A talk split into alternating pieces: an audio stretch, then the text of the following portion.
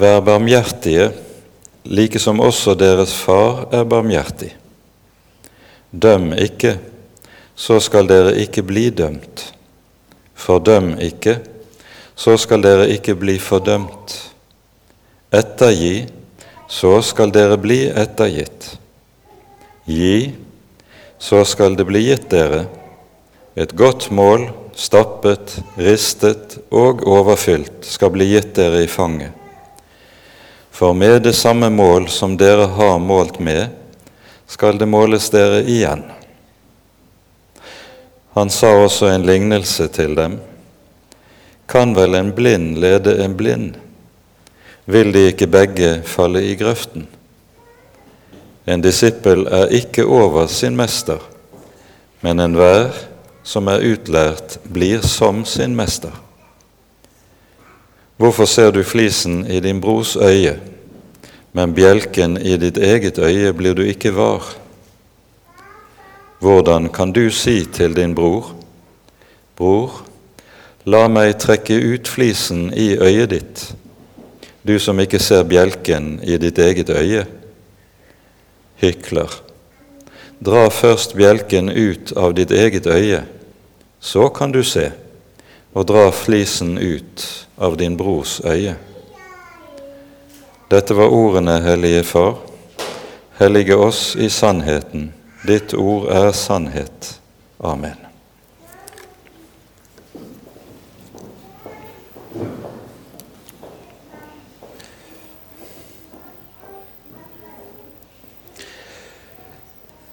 I verset før vår tekst starter, taler Jesus om det at disiplene skulle, skal være den høyestes barn. Og så begynner vår tekst med ordene 'Vær barmhjertige, like som deres himmelske Far er barmhjertig'. Og så møter vi i disse Jesu ord det som stadig er det vi finner i formaningene i Det nye testamentet, og det er ordet 'likesom'. Tilgi hverandre likesom dere selv er tilgitt. Elsk hverandre like som jeg har elsket dere, sier Jesus. Og her hører vi altså 'vær barmhjertige, like som deres himmelske Far er barmhjertig'.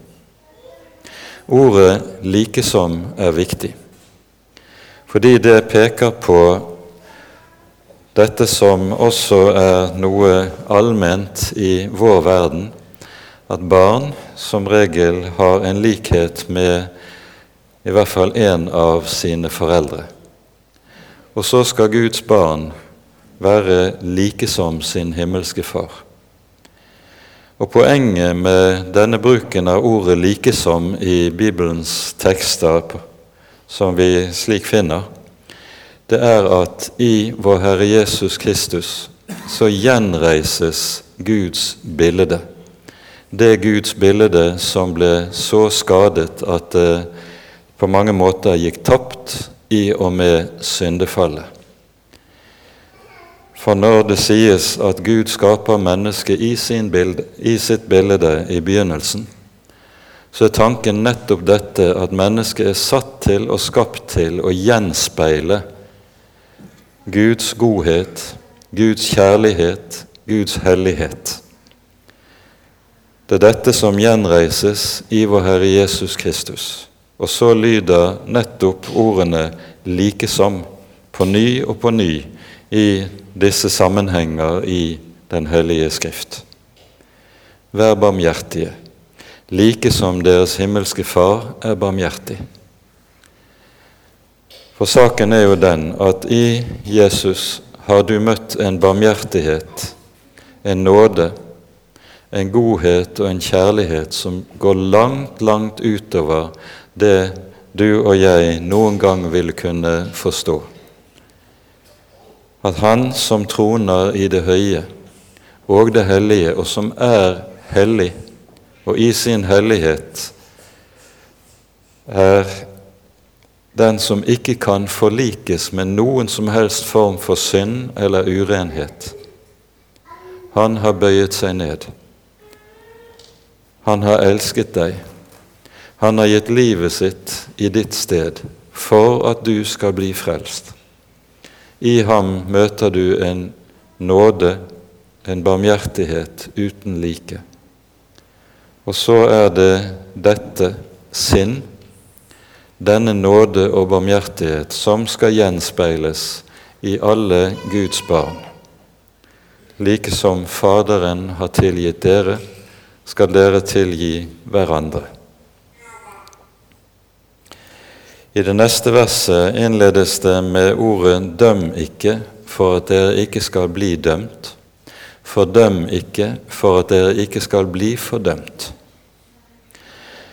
Hva er det å dømme etter bibelsk tankegang? En kjent prest i kirken har sagt det slik dette ordet synes å volde verden en lettelse, men de troende en vanske.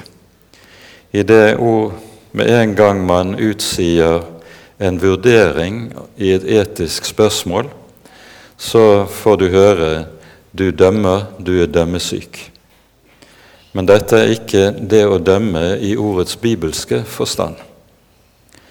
Bibelen sier selv tydelig hva det er å dømme. Det er å bruke Guds ord som målestokk på andre mennesker uten at du bruker det som målestokk på deg selv. Dette sies meget tydelig i Romerbrevets annet kapittel. Hvem er du som dømmer, du som dog gjør det samme selv, sier Paulus her. Å dømme er å bruke Guds ord som målestokk på andre, samtidig som en ikke anvender Guds ord som målestokk på seg selv og sitt eget hjerte.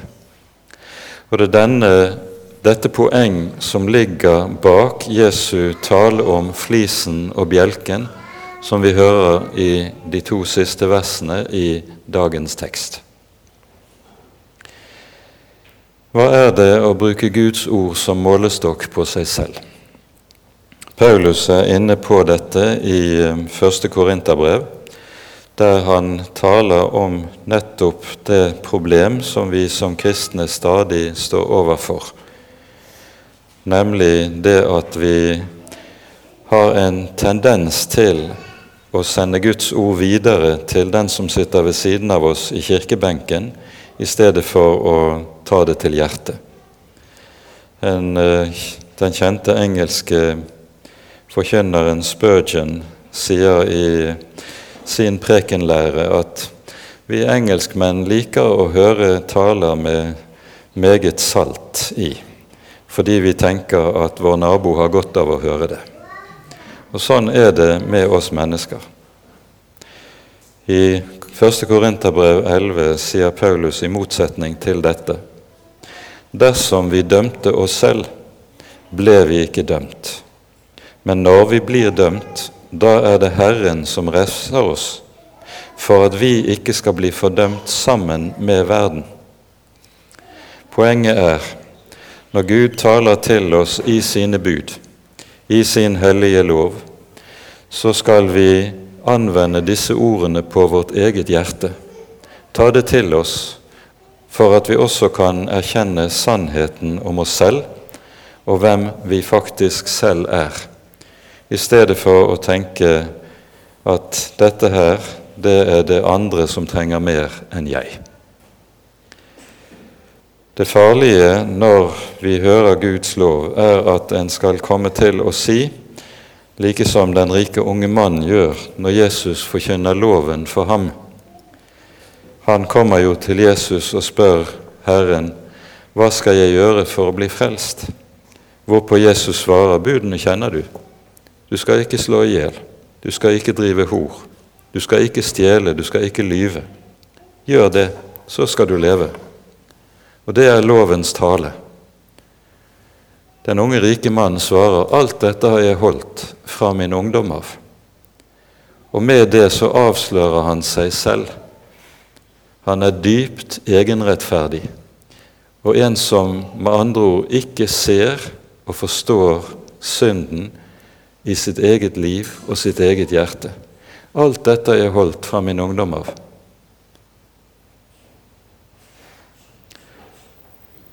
Dersom vi dømte oss selv, ble vi ikke dømt. Dette er en sunn medisin for oss som troende mennesker, for at vi skal unngå det som er oss så utrolig nærliggende, nemlig vår dypt liggende egenrettferdighet. Når vi taler om syndefallet, så er vi vant til å tenke sånn at da taler vi om hvorledes synd av ulike slag, slik som omtales i de ti bud, er det som får makt iblant menneskene. Men syndefallet har også det med seg at Adam og Eva blir dypt, dypt egenrettferdige. Og denne egenrettferdigheten er det som volder Gud aller størst vansker når Han vil inn i våre hjerter og inn i våre liv. Døm dere selv for at dere ikke skal bli dømt, er det Jesus lærer oss i dette ordet. Og Det betyr altså å bruke Guds ord som målestokk på seg selv. Bruke Guds hellige lov som målestokk på seg selv. Gjør en det sant, er en sannferdig i sitt eget liv, da får en ikke lenger særlig trang til å bryste seg og tenke at en er bedre enn sin neste. Det å, som kommer i neste setning fra Jesu munn, fordøm ikke for at dere ikke skal bli fordømt. Med det peker Jesus på en fare som man nok kan møte både her og der, nemlig at man vurderer et annet menneske og tenker at Eller vurderer en annen kristen og tenker om vedkommende han kan umulig være et sant og rett Guds barn, slik som han er. Han er et fortapt menneske. Da tiltar en seg selv en rett som utelukkende tilkommer Gud. Han alene er den som kjenner menneskenes hjerter. Og Derfor er det han alene som også er menneskenes dommer. Vi har ingen rett til å prøve å være dommer over hjertene til mennesker, aller minst til andre troende. Vi skal i stedet gjøre som Herren selv sier, og feie for egen dør. Ettergi, så skal dere bli ettergitt. I dette taler Jesus om nøyaktig det samme som han lærer oss i Fader vår. Forlat oss vår skyld som vi også forlater våre skyldnere, og lærer oss at like som vi selv er tilgitt, skal vi tilgi vår neste. Så går teksten videre, og Jesus gir oss to ord som kan synes vanskelig å forstå i sammenhengen. Først så sier han altså kan vel en blind lede en blind? Vil de ikke begge falle i grøften? Det er det Jesus taler om når han taler om flisen og bjelken. Flisen og bjelken er noe Jesus omtaler i forbindelse med nettopp det som kalles for dømmesyke. Og med dette peker Jesus på en tendens som ligger dypt i våre hjerter og henger sammen med vår naturlige egenrettferdighet. Nemlig at vi gjerne blåser opp nestens feil, mens våre egne feil og våre egne synder bagatelliserer vi. Hvordan kan du si til din bror 'la meg da flisen ut av øyet ditt', og så blir du ikke var bjelken i ditt eget øye? Slik dette fungerer i vår psykologi, så fungerer det slik at flisen i vår nestes øye ser ut som en bjelke, mens bjelken i vårt eget øye ser vi som en flis. Vi snur ting på hodet. Dette er sånn vi mennesker altfor ofte fungerer. Og så er det at vi kan dermed komme til å opptre uhyre hårhjertet overfor i møte med nestens feil. Når nesten har gjort noe som er feil, som er galt, kanskje det sågar er, også er synd, så blåser vi det opp til å bli en, et fjell, mens våre egne tilsvarende misgjerninger og mistak, de bagatelliserer vi som om det overhodet ingenting var. Sånn er det vi mennesker er, og sånn dette er det Jesus advarer oss skarpt imot. Og medisinen mot dette er nettopp det som Jesus lært, lærer, lærer oss og minner oss om. Dersom vi dømte oss selv, ble vi ikke dømt. Den egenrettferdighet som ligger bak denne måten å handle på, den henger sammen med det som profeten Jeremia taler om i det 17. kapittel i sin bok, når han sier Svikefullt er hjertet, mer enn noe annet, og ulegelig er det. Hvem kjenner det?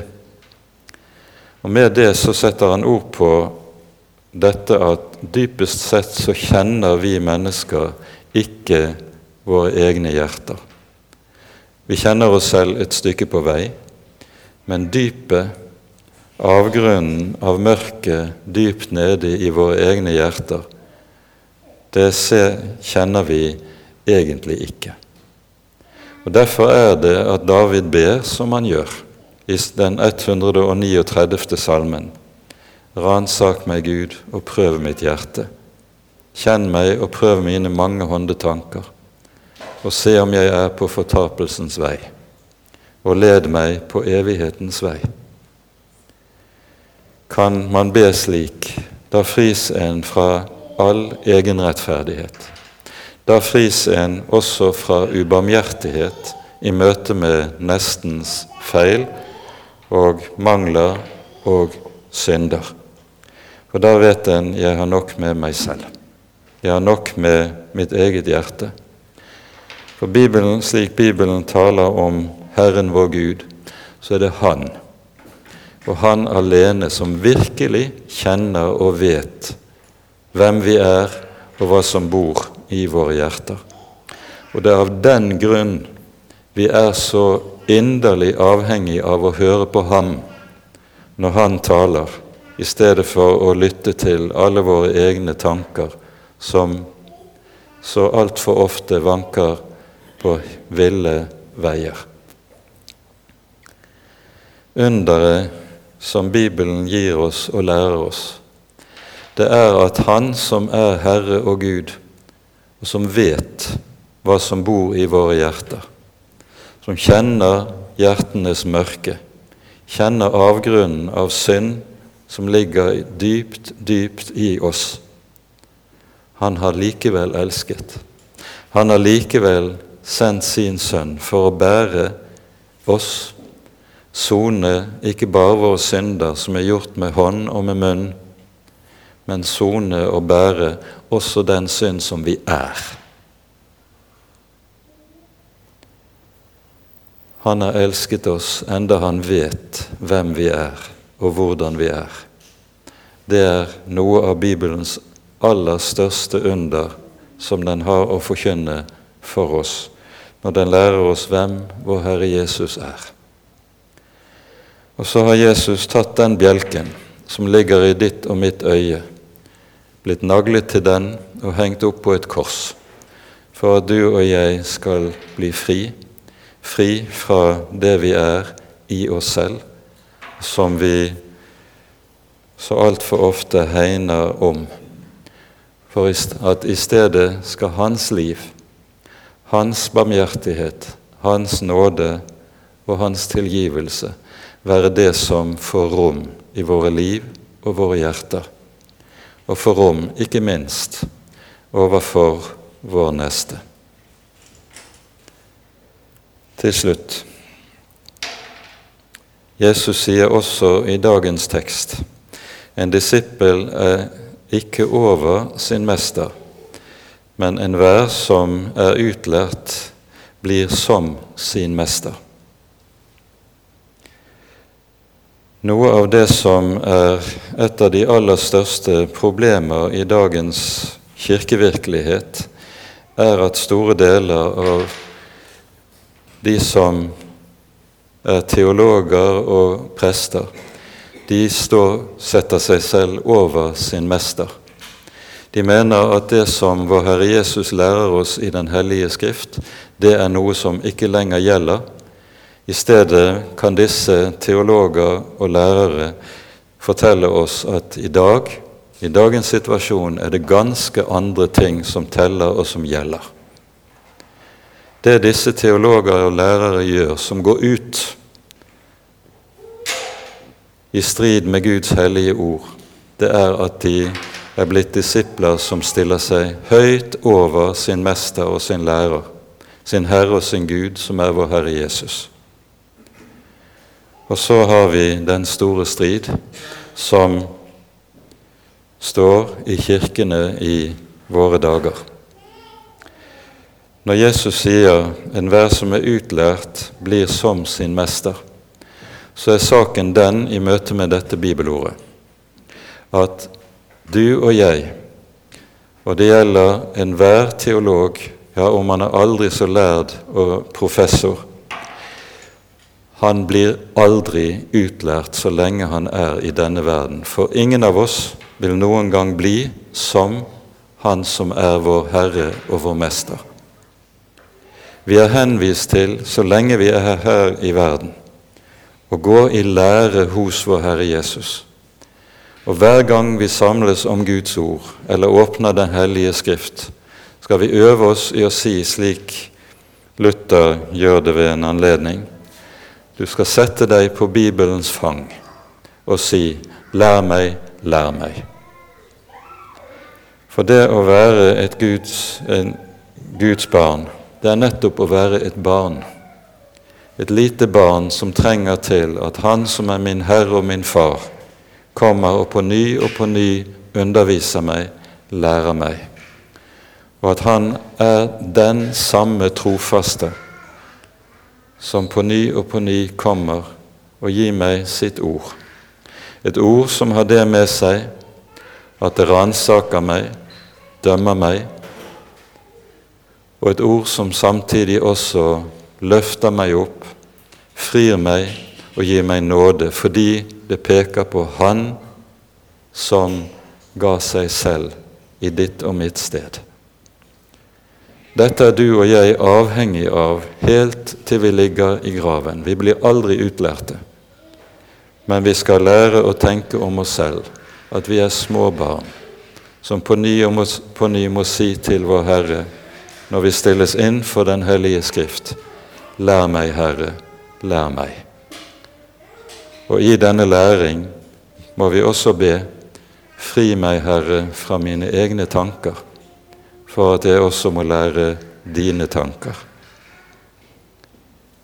Ære være Faderen og Sønnen og Den hellige ånd, som var og er og være skal, en sann Gud, høylovet i evighet. Amen. Vi synger så salmen